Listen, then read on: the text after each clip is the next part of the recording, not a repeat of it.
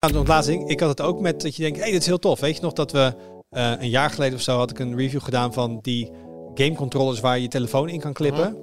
Ja, Ja. die heb ik ook. Ja.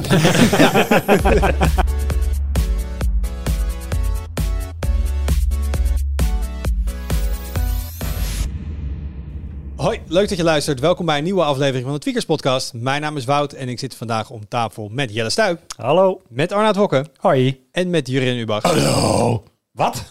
Sorry, De hel? Halloween? Sorry, ik zit heel eventjes in, eh, helemaal in de horrorwereld. My, my, my bad. Ik hoop niet dat de mensen nu heel hard geschrokken zijn achter het stuur. Waarom zit jij in de horrorwereld? ja, daar komen we zo nog wel op.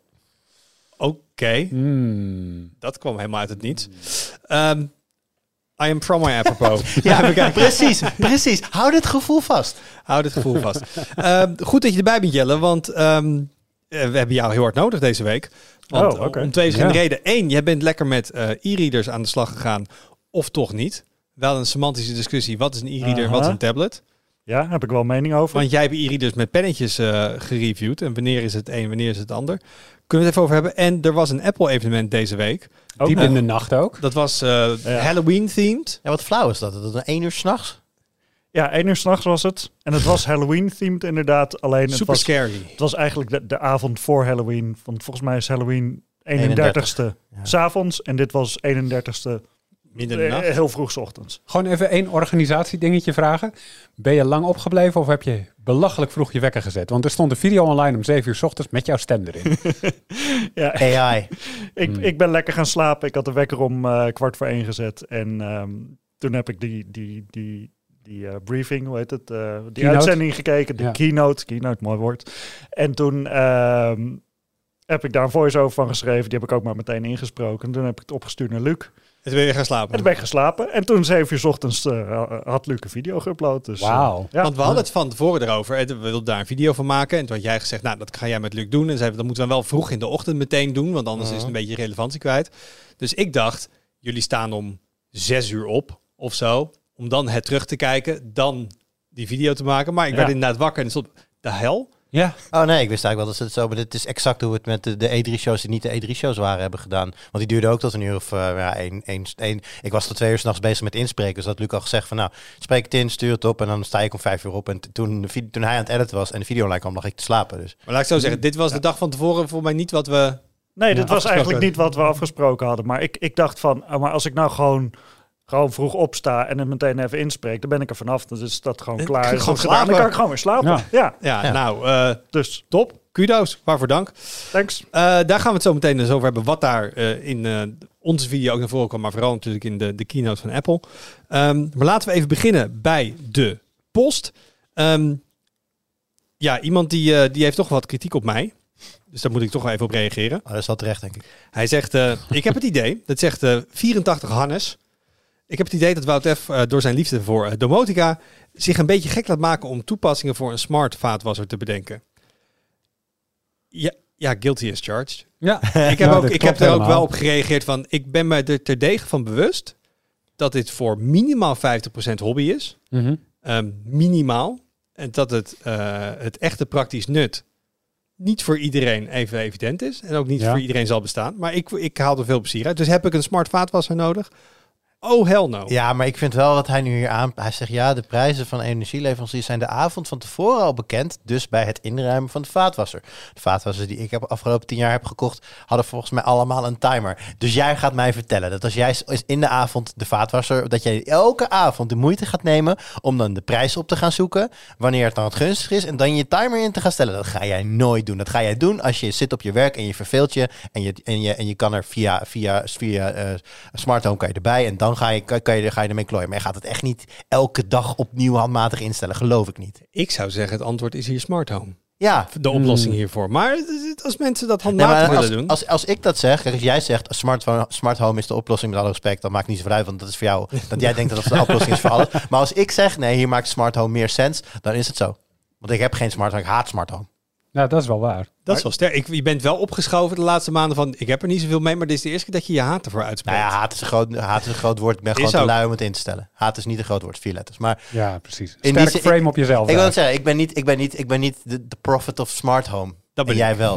dat ben ik. Maar er er is hier toch ook gewoon een soort van analoge versie van. Want als je gewoon, als je dan geen dynamisch tarief hebt, maar gewoon een, een, een, een piek- en een daltarief, dan, ik, ik stel iedere avond mijn vaatwasser in op dat hij om na 11 uur aangaat. Want dan is het daltarief en is het energie Nee, maar dat, dat is nu nog. Maar we hadden discussie erover dat je steeds ziet dat ehm, steeds meer energiemaatschappijen ook variabele tarieven gaan leveren. Dat dat de mogelijkheid wordt. En als je naar mensen luistert die er veel meer verstand van hebben dan ik, die zeggen ook variabele tarieven gaat meer de standaard worden. En daar moet je Ja. op gaan inspelen. Dus op dit moment is het En even inderdaad. voor de record, dan betekent dat ze gewoon op elk moment van de dag kunnen wisselen, afhankelijk van hoeveel Ik aanbod weet, er ik, stroom ik weet niet per welk tijdblok dat is. Zeg maar of dat op uur is of nog zelfs op half uur, dat weet ik niet. Op- Blijkbaar nu op uurtarief. Dat je het van tevoren ook kunt inzien. Morgen is dan om twee uur 's middags de energie heel goedkoop. Want er wordt heel veel zon ja, voorspeld bijvoorbeeld. Kijk, dat, dat nu s'nachts het daltarief is, slaat eigenlijk nergens op, want dan wekken we met z'n allen niks op.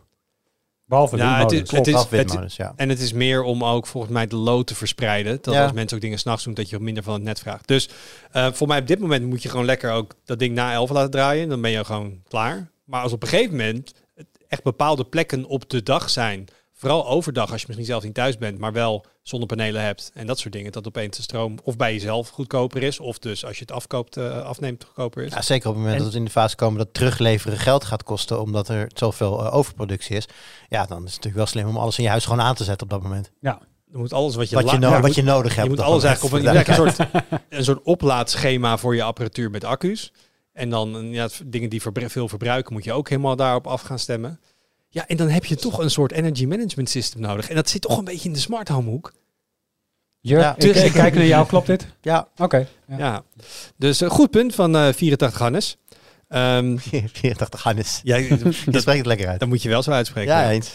Ehm dan ging het wat over AirPods. Want AirPods. eh, het ging over. eh, ik, ik had een opmerking gemaakt over dat ik bij de NOS Journaal een, eh, een, een verslag zag vanuit eh, het gebied van Gaza. eh, en dat de correspondent AirPods in had. Nou, dat is natuurlijk totaal niet boeiend. Laten we Ja. even zeggen, dit gaat om een verslaggeving van een oorlog. En dat, dit valt er echt meer dan bijna niet. Maar het was voor mij een terloopse opmerking. hey, iemand heeft, want het ging over Bluetooth-oortjes en hoe opvallend die dingen zijn. Iemand zit met van die witte tandenborstelkopjes in haar hoofd. Dat viel mij gewoon op en dat leidde mij een beetje af. Ehm, en er kwamen wat reacties over. Iemand zei, over leuke naam om uit te spreken gesproken, Marino Peperino. die zei, eh, Ja, niet alle mooi. correspondenten beschikken over een technische ploeg die ze helpt met camera, geluid en andere zaken. Eh, moeten dan vaak van een eigen smartphone doen. Dat snap ik echt helemaal. En volgens mij is smartphone-verslaggeving ook al eh, jarenlang een ding, gewoon binnen de media. Ehm, dus dat je daar niet met een professionele kamerploeg staat, snap ik. Alleen als je dan zegt, ik ga standaard met Bluetooth dingen in mijn oren werken, dan is er een hele markt, een heel scala aan dingen die beschikbaar zijn. En dan denk ik wel dat de AirPods het meest opvallen van allemaal visueel gezien. En het meest Ja. in het oog springen en ook het meest schreeuwen. Hoi, ik ben een Apple-product wat in je oren hangt. Wat, wat, wat, wat mij daaraan opvalt, zeg maar, is dan dat het een Bluetooth-oplossing is in plaats van een bedraden. En dat kan natuurlijk bij telefoons nu lastiger dan vroeger. Maar je- USB-C-verloopje, een dongeltje. Precies. Maar je verliest, wat, wat is het, 300 milliseconden of zo aan latency, omdat het Bluetooth is, omdat Ja. het draadloos is. En bij correspondenten is die, die, dat gat tussen het moment dat de presentator praat en correspondent praat, probeer je al zo min mogelijk te krijgen. En als de correspondent, dus de presentator, nog 300 milliseconden later hoort praten en je kan die latency voorkomen, dan zou je dat willen doen, denk ik. Ik maar, zou zeggen, Nee, maar je zit wel met de praktische problemen van het draadje zelf. Die, die, de meeste koptelefoondraadjes voor een telefoon die zijn al niet zo heel lang. Maar ja, Als je dit al een raar beeld vindt, dan moet je, moet je afvragen hoe je het vindt als er dus twee draadjes zo hier naar beneden lopen, richting de draadje, richting de telefoon. Afhankelijk van hoe ver die is, wordt het ook een vrij kort draadje. Dus je hebt dan ook geen range of motion. Je kan niet meer al te gekke bewegingen maken, want dan trek je misschien wel je telefoon nu, van nu- nu de... ga ik een magisch woord zeggen. Verlengkabeltje. Ja, maar dat, dat wordt de kwaliteit daar dan ook weer beter van. Dan, dan wordt de winst die, die dan... Het is digitaal, het is. Maar, maar dan nog steeds lopen er wel twee kabeltjes dus uit het oor in plaats van alleen maar een of huilen. één. Ja, Volgens Ja. mij kun je... Ik, we hebben hier ooit een... Ik eh, denk dat hier niet heel veel winst in zit. in, in- nou ja, ik denk serieus, als je een bedraad, eh bedraadsetje oordopjes neemt met een verlengkabel, die doe je in je oren, die gooi je over je rug heen.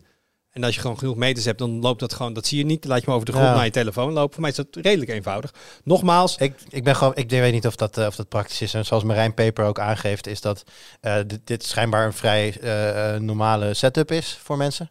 Dat dit veel gebruikt wordt. Hij geeft zelfs nog voorbeelden van wat voor software nou, dat ze smartphones gebruiken voor de verslaggeving. En dat, maar welke koptelefoon je dan aansluit, is natuurlijk iets wat je zelf kan, eh, Ja. Eh, maar ik merk, ik wil je niet te lang blijven hangen, want we moeten ook niet gaan doen alsof dit nou het allerbelangrijkste is als mensen vanuit de oorlogsgebied verslaggeving doen. Nee.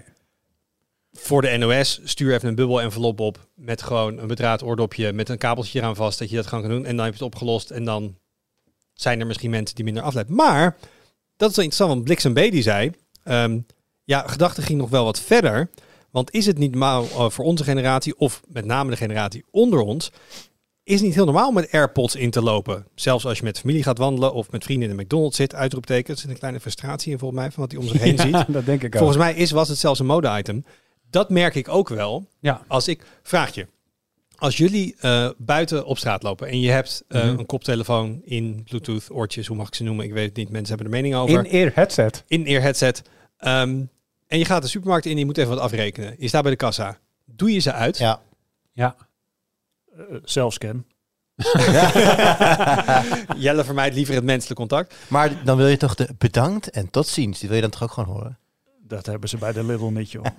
jij, jij gaat naar een dure supermarkt. Ik, eh, ik, maar ik ben het dus wel eens vergeten dat ik, dat ik het zeg maar inderdaad gewoon een pauze deed. En toen dacht ik nog bij mezelf, van, ja, dat jij, zeg maar, de ander weet niet dat je de pauze hebt. Voor mij hebben we het wel vaker over gehad. Ik vind het onbeschoft als je het op die manier doet. Ik vind dat je het gewoon eens uit doet. Ja, ik ben daarbij, hier moet ik heel eerlijk in zijn, ik, ik ben bezorgd over het, het, hoe het staat, niet hoe het is. Ja, maar Dus- dat- de ander weet niet hoe het is. In de winter loop ik wel eens met een muts op eh, de supermarkt in, eh, met daaronder oordopjes in.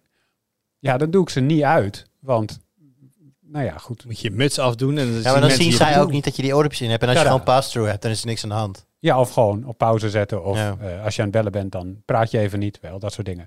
Je zorgt wel dat je elkaar kan verstaan, maar ja, Ja. nee, dan ho- dan hoeven ze niet uit. Ik vind het gewoon ehm, niet heel netjes staan van ik ga wel Nee, nu met jou communiceren, maar ik ga niet de moeite doen om Ja. oren vrij te maken. Dat Het is een beetje. eh, precies. dat- Ik, heb het, ik zou het andersom ook hebben. Dan zit ik te kijken en dan zie ik toch dat je je oordopjes inhoudt. En dan snap ik, omdat ik weet daar, ja, ik heb zelf ook van die dingen. Dus dan weet ik dat ze waarschijnlijk uitstaan dat je me goed hoort.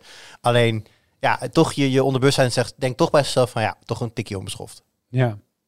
Ja, maar nu vraag ik me wel af maar of dit dus een... maar Blixen B zegt dus volgens hij denkt dat, want wij zijn natuurlijk een stelletje We boomers, all, Ja, ehm, ja, dat, we gaan richting boomership. Dat dit zeg maar voor de generatie na ons helemaal geen ding is en de normaalste zaak van de wereld. Ja, ik zie Ja. het wel heel veel op straat. ja. En ja ik zie het ook heel veel. Ja, maar wat het voor wat hij ook noemt, mensen die gewoon samen zijn en daarbij hun oordoppen inhouden, dat zie je gewoon heel veel. Ik bedoel, mijn vriendin die geeft les op middelbare school en die zegt dat ook. Van ja, gewoon groepjes vrienden samen zitten gewoon met die dingen in. En de klas moeten ze natuurlijk uit. En dan, daar zijn ook gewoon discussies dat, dat, dat, dat zo'n kind zegt van ja, maar ik hoor je gewoon. En dat ze dan zeggen nee, maar je moet ze echt uitdoen.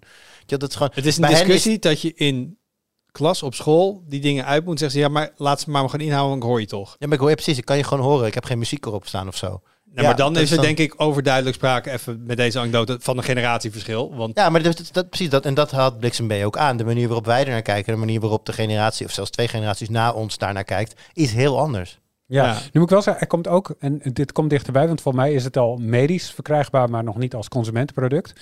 Maar ik denk dat er op een gegeven moment een soort van oordopje komt, waarmee je geluid kan versterken als dat dichtbij is. Dus dan sta je, ik bedoel, ik heb bijvoorbeeld heel veel moeite om op een feestje, als het heel druk is, om degene tegenover me gewoon te verstaan. Ja, te veel ruis. Ja, en als een oordopje dat versterkt, dan zou ik daar enorm mee geholpen zijn. Dan kan ik iemand beter verstaan. Ja. Maar dan zou ik dus zulke momenten gaan praten, expres met oordopjes in. Ja. En ik denk als dat er komt en veel mensen gaan dat gebruiken, dan verschuift die sociale norm naar alleen onder jongeren naar zeg maar, maar dan wordt het meer een, een heel slik uitziend gehoorapparaatje bijna. Ja, Ja, Ja, en dan heeft het ook. een medisch doel. En als dat, als dat inderdaad gemeengoed zou worden, betekent ook dat denk ik ook het gehoor achteruit gaat bij heel veel mensen. Misschien moeten we ook wat beter voor onze oren zorgen. Is toch, is toch over, het, over het algemeen wordt wel aangenomen dat eh, naarmate wij met z'n allen ouder worden, dat de generatie steeds vaker last krijgt van gehoorschade. ja. harde, harde geluiden, feestjes, dat soort dingen. Ja. Dus dan zou het best wel met die context weer normaler worden. dat denk ik Eh, maar daar zijn we nog, eh, nog niet, denk ik. Nee. Ehm, even nog kort voor Jelle, want we hadden het vorige keer, je zat er niet bij, maar we hadden het over, ehm, over Qualcomm en Windows. Ja. Eh, en dat, wie had het nou ingebracht? Ik weet het even niet meer. Ik, Had jij hem ingebracht? zeker. Eh, dat eh, Qualcomm met, eh, ze hadden een Snapdragon 8 Gen 3, maar ze hebben nu ook de eerste CPU aangekondigd op basis van de overname van Nuvia. Ik zei niet. Ehm, en er waren geruchten dat Nvidia, die ging toch ook weer ARM CPU's maken voor Windows. En dan Qualcomm, en dan gaat AMD het misschien wel doen. Jij hebt wel wat ervaring met laptops met verschillende soorten hardware erin. Ja. Windows op ARM. Heb Ja. jij daar een beetje vertrouwen in? Weten jullie nog de vorige keer dat ik hier in de podcast zat? Dat, dat was namelijk toevallig mijn highlight. Toen zei Mhm. ik van Cinebench 24 komt eraan. Daar Ja. zit een, Oh ja. dat is, eh, daarbij supporten ze ARM op Windows. En ik denk dat, dat, dat dit het helemaal gaat worden. Dat Microsoft daar heel veel eh, tijd en energie eh, in gaat stoppen. En dat, Ja, eh, dat, was eigenlijk een beetje een soort van soft announcement, toch? Zo van, het, is, het is nog niet aangekondigd, maar aangezien Cinebench het nu gaat ondersteunen, kun je ervan uitgaan dat dit, eh, dat dit een ding gaat worden. Ja, dat is wat ik toen dacht. Ja. Dat is En ik helemaal- was dat alweer is helemaal niet gebeurd natuurlijk. Het is logisch dat je het ge- vergeten bent, want het is gewoon niet gebeurd. Er is eh, Sorry, dat was maar. ehm, Ah. die processor die, die komt er wel aan. Dus ehm, ja, op zich die, die jongens van Nuvia die zijn niet dom. Dus er, er, er- er- ik heb wel er. Maar zijn die jongens bij Microsoft ook niet dom? Want volgens mij was het verhaal meer ook waar we het vorige week over hadden. Van als nou, ARM dus met die kennis van Nuvia en Nvidia, die kunnen echt wat chips bouwen. Dat is het probleem niet. Maar waarom het bij Apple zo goed werkt, is omdat het ook aan de softwarekant heel goed op elkaar aansluit. Dus Microsoft ja. moet nu ook echt wel heel serieus aan de bak om dit niet weer een soort Windows RT-achtig iets van te maken. Ja, ja maar ik, ik denk ook, want de, de, de, de chip zelf en, en want. De, en Microsoft heeft dan in de service de, de SQ3-processor zitten, maar dat is eigenlijk gewoon een gerebrande eh, Qualcomm. Ehm, en die, die CPU zelf was ook gewoon langzaam. Dus op het moment dat, dat die CPU snel is en Microsoft daar mooi zijn, zijn besturingssysteem op, op afstemt. Ja, ik denk dat het wel wat kan worden, ja. Maar het is, ja, het is ook nog steeds een beetje afwachten. Ja, ik vind dat dus ook lastig, want dan, dan zie je die grafiekjes van Qualcomm en die maken Apple-achtige grafiekjes Mhm. zonder assen en zo. Dan denk je, ja, weet je, mooi dat jij in een bepaalde benchmark een bepaalde framerate en resolutie haalt en dat die dan zuiniger is. Maar eh, wat je uiteindelijk wil, is als je zo'n laptop krijgt, dat gewoon alle programma's werken. En ik, Ja. heb begrepen dat bijvoorbeeld nu DaVinci Resolve ook ehm, eh, native gaat ondersteunen eh, op ARM, op Windows. En ehm, dat soort dingen zijn natuurlijk wel heel belangrijk, want je wil gewoon dat al je dagelijkse programma's gewoon moeiteloos werken. En met veel programma's is er geen probleem, maar als er ook maar één of twee belangrijke, voor jou belangrijke bela- programma's tussen zitten die niet werken, ja, dan wil je zo'n machine eigenlijk gewoon niet. En je wil ook dat ze snel werken. Want stel Ja. alles werkt met, op basis van emulatie, maar het wordt niet snel naar, omgezet naar native code, dan zit je eigenlijk op een suboptimale manier te werken inderdaad. Eh, Ja. En dat kunnen ze bij Apple altijd wel goed. Gewoon tegen alle ontwikkelaars zeggen, jongens, ga het fixen. Ehm Ja, gas klopt. erop. En dat wordt dan, dan beginnen mensen wel te rennen. Want, Maar het verschil- want Apple doet Ja. dat ook. Hè. Die zegt op een gegeven moment van ja, hè, op een gegeven moment wa- waren, hadden we 64 bits processors en Apple heeft toen echt op een gegeven moment gezegd binnen twee generaties van ja, dat hele 32 bit, dat doen we de deur uit. Vanaf nu is, eh, ik geloof dat het uit mijn hoofd Snow Leopard was, vanaf, vanaf nu doen we alles 64 bits. En dan was het gewoon. En ja, je zorgt maar dat je het zorgt maar dat geregeld het werkt. ja. Ja, nee, dat, dat Ja. zijn ze wel goed in. Gewoon heel harde deadlines stellen en eh, de verantwoordelijkheid dan bij de ontwikkelaars leggen. Terwijl Microsoft ook wel meer is van ja, maar dat. En Microsoft moet ook veel meer ondersteunen. Hè. Er zijn natuurlijk systemen die op Windows 95 nog draaien ergens waar je totaal geen weten van hebt, waar wel een bedrijfskritische applicatie op draait. Dus Microsoft heeft wel veel meer met die legacy te maken. Al die oude Ja. pinautomaten die op oude Windows versies draaien, weet ik niet wat allemaal. Ehm, dus ze zitten ook wel in een ander speelveld, heb ik wel het idee. Ja, ik wou net zeggen, deze film hebben we allemaal al eens gezien. Want als Apple zegt, wij gaan nu over op, op, op onze eigen ARM-processors, dan gaat de hele line-up van Apple gaat binnen twee jaar over, of hoe lang het ook precies duurde, maar binnen relatief korte tijd. Als Microsoft nu zegt, nou, we besteden meer aandacht aan dit, ja, dan over drie jaar misschien een deel van de markt, maar misschien ook weer niet. Alle fabrikanten moeten Ja, maar mee. je kan nog steeds Windows laptops kopen met Intel CPU's. Dus er is ook niet een soort complete omschakeling waardoor Precies. iedereen wel moet. Het is een beetje, het kan, het hoeft niet. Ja, Als je tijd hebt. ja. Ja, maar ik, ik denk dat het, dat het verschil, als, als we nu Apple en Microsoft nog vergelijken, dat toen die M1-processor kwam, die was ook gewoon wel echt goed. Ja. En je had, je had, je had, eh, je had die Intel, eh, je had daarvoor een Intel MacBook, toen had je ineens een M1 MacBook en die was gewoon daadwerkelijk een stuk sneller. En hij had ook die goede emulatie natuurlijk. Ehm, en we hebben nu al een paar keer gezien dat Microsoft met een, met een ARM-processor komt in een service device. En dan zet je de Intel-versie ernaast. En de Intel-versie is, ja, die is gewoon aan alle kanten sneller. En dan, ja. ja. Dus die stap moeten ze eerst maar zetten. Dat ze zien Ja. dat je ook daadwerkelijk voordeel behaalt uit die hardware gebruiken. Dat je niet langer een pauper bent als je ARM gebruikt. Wauw. Ja, het is mooi. bijna poëtisch. Ja, Echt, ik maak, ik, ik maak net opmerking over mijn krakende arm, maar niemand... eh, Nee, jammer. nee, Oh. helaas. Ehm, wie heeft het laatst? Ik zat even te kijken. Dit is eigenlijk iets wat niet echt meer van deze tijd is, maar ik ga hem toch vragen. Ehm, wie is voor laatst te laat gekomen op kantoor? En dat is wel grappig, want echt 9 tot 5 werken is niet meer echt een ding. Ja, dus dan, dan had je iets staan op kantoor waarvoor je hier Een- moest zijn, maar je was dan later gemist, dan dat je had willen zijn. Oeh. eh, Wauw. Dat je even vooruit moest, even een appje moest sturen. Ik ben wat later. Want nee, ik kan, ik kan me serieus niet herinneren dat dat gebeurd is. Wacht, vorige week.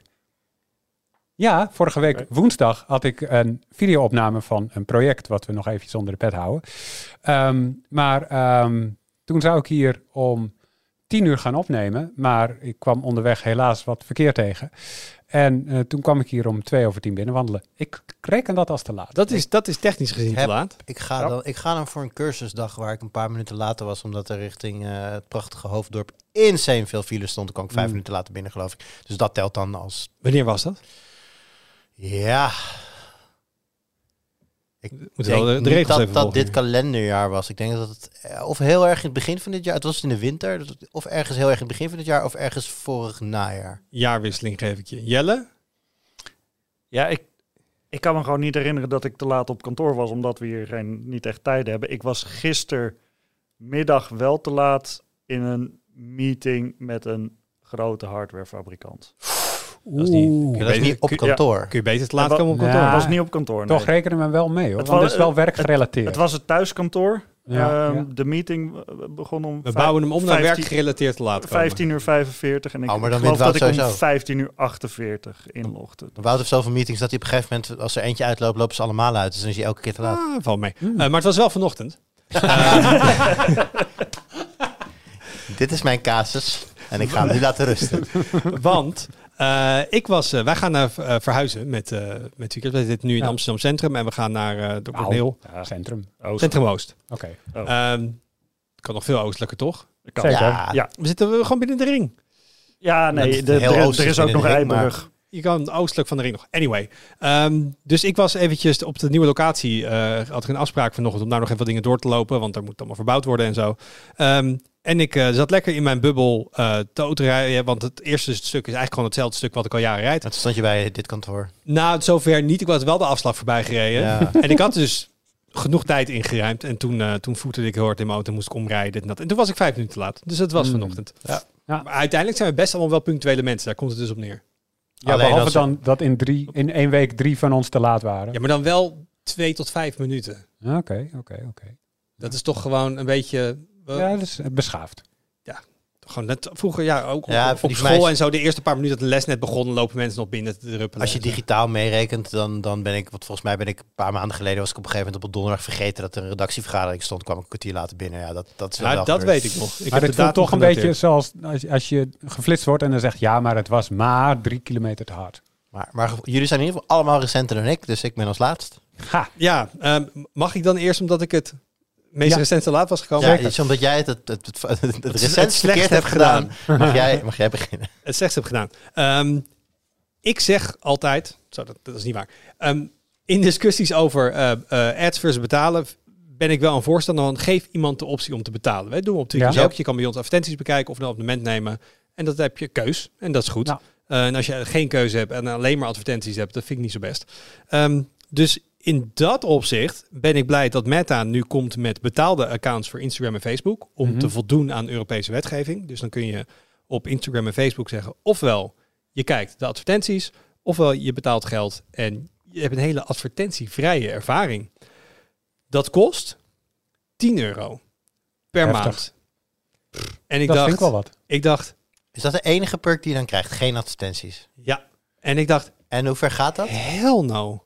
Als ze in trekken, ze dan wordt dan bijvoorbeeld ook je data niet meer gebruikt dus ik voor heb toch commerciële de- doeleinden? Ik heb dus de, de aankondigingspost doorgelezen. En wat er letterlijk staat, zo expliciet zijn ze niet. Your data will not be used for advertising purposes. Maar Dat- niet, we verzamelen je data niet. Alleen, we gaan de data niet inzetten om een profiel van je te maken. Dus Oké, maar als ik dat lees, dan denk ik bij mezelf wel van... oké, daar lees ik in, niet voor commerciële doeleinden. Dat Want staat er. Ja. Dus ze Ja. hebben toch dezelfde data. Dat ja, is niet alsof maar, ze niks gaan maar, maar, verzamelen. ze, maar, ze ver- maar ze verkopen het dus niet meer aan, de, aan hun, aan hun commerciële partners. Maar ze verkopen, dat- is echt, volgens mij, geen enkele van deze bedrijven Oh, verkoopt je data.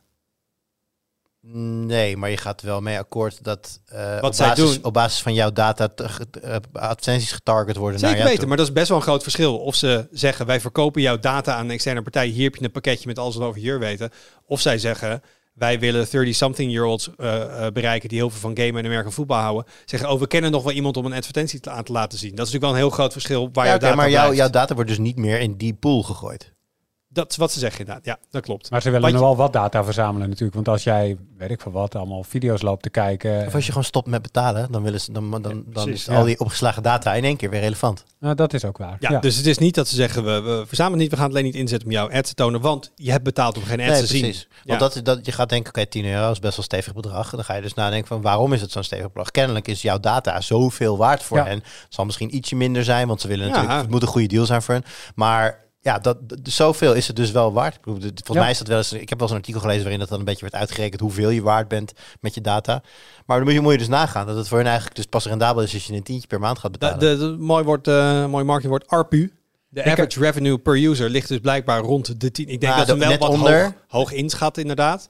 Eh, dat je iets meer betaalt voor de zekerheid. Maar dat zal inderdaad... eh, Maar is het, is het ook niet zo dat ze die 10 euro gewoon gekozen hebben? Zo van, ja, dat gaat niemand nemen. Want we zitten hier helemaal niet op te wachten. Precies, maar dan heb- dus- dit, dit moet van de EU. Maar dan zet je dus hoog in en dan denk je van, nou, niemand gaat het nemen. En als ze het nemen, dan betalen ze meer dan, dat, we dan, geld dat we ze aan, dan dat we ze normaal, eh, normaal aan ze kunnen verdienen. Dus win- dan is het win-win. Ik heb wel eens een artikel geschreven waarin ik dit eh, heb uitgerekend en toegelicht. Oh, dan zal dat het artikel misschien wel zijn geweest dat ik En het gelezen heb. verschilt per werelddeel. Want Amerika, daar zijn eh, gebruikers het meeste waard. En in eh, Aziatische, Afrikaanse landen het minst. Europa zat er een beetje tussenin. Als ik me goed kan herinneren, maar dit moet ik echt uit mijn geheugen graven. Rond de 5,50, 6 euro, Ja, zoiets. Dat En dat is een aantal jaar geleden, dus misschien is het inmiddels iets meer. Ja, maar dat, dat Want klopt Wout dan wel. klikt gigantisch veel op zijn Instagram-advertenties, dus dat Ik jaagt het wel omhoog. klopt. Ik, op elke keer als ik schoenen voorbij zie komen, klik ik op. Maar Ja, ik, ja. Ik, ik vind het ook totaal niet interessant. Sowieso Facebook. maar Instagram, ik, ik heb het wel eens vaker ook gezegd. Het is het enige platform wat voor mij bewijst dat als je het goed uitvoert, dat targeted ads Ja, daadwerkelijk voor een gebruiker positief kunnen werken. ik heb wel eens gezegd dat als ze nu de, de advertenties weg zouden halen en ik moet 1 of 2 euro per maand betalen om wel weer advertenties te zien, dat ik dat ga doen. Want Oh, het dat voegt voor mij... heel erg overdreven. Het voegt- nee, maar het voegt voor mij toe. Ik, ik, ik, ik, mis, als ik die reclames zie, dan mis ik ook gewoon bijvoorbeeld, eh, weet ik veel, Nike releases of zo. Omdat Instagram zo goed weet wat ik leuk vind. Dan zeg hey, wist je trouwens dat je geld uit kan geven aan deze nieuwe Nikes? Dan denk ik, oh shit, nieuwe Nikes. En dan, nou ja, of dat mag ook met een ander merk, maar gewoon, dat, ik, ja, ik klik best wel vaak op. Maar op dit is toch afgrijzelijk hier. Dat je, dat je je zo graag wil laten manipuleren door, door, door zo'n platform. ja, manipuleer me, baby. Eh, ik, ik, dat is- ik, vind, ik vind het echt verschrikkelijk. Want Ja, het is Als het echt- werkt, werkt het. Ja, maar iedere advertentie die je, die je ziet, dat is een, een, een soort van nudge naar jou toe om iets te doen wat je helemaal niet van plan was om te doen. Klopt. Maar je hoeft niet op dat moment meteen te kopen. Het kan ook Nee, iets maar onder... het is natuurlijk heel sneaky. Nee, want- maar ik bedoel, het kan ook iets onder de aandacht brengen. Van, hey, ken jij dit product al? En dan heb ik liever dat het een product is waar ik mogelijk in geïnteresseerd ben. Omdat het aansluit bij mijn interesses. Dat het iets compleet randoms is. Ja. Waarvan ik sowieso al... Kijk, stel het is, Ja, maar- stel het is vanmiddag vier uur en, en jij bent gewoon lekker een beetje aan het, aan het klooien met, eh, met, je, met, je, met je Mackies of wat dan ook. En ik loop binnen. ik, zeg, ik, ik zeg, Jelle, ik heb een pizza gehaald, maar ik heb nog een stukje over. Wil jij een stukje pizza? Dan heb je geen... Je hebt, je was helemaal, ik nut je op dat moment. Jij was zeker niet van plan pizza. Maar je denkt, oh, dat is lekker, vier uur. Ik heb best wel honger. Doe mij dat stukje pizza. En, dan- en dan, dan, dan, Ja, hoef, maar- ik, hoef ik geen data van je te hebben. Dat is je winst. Maar ik bedoel meer...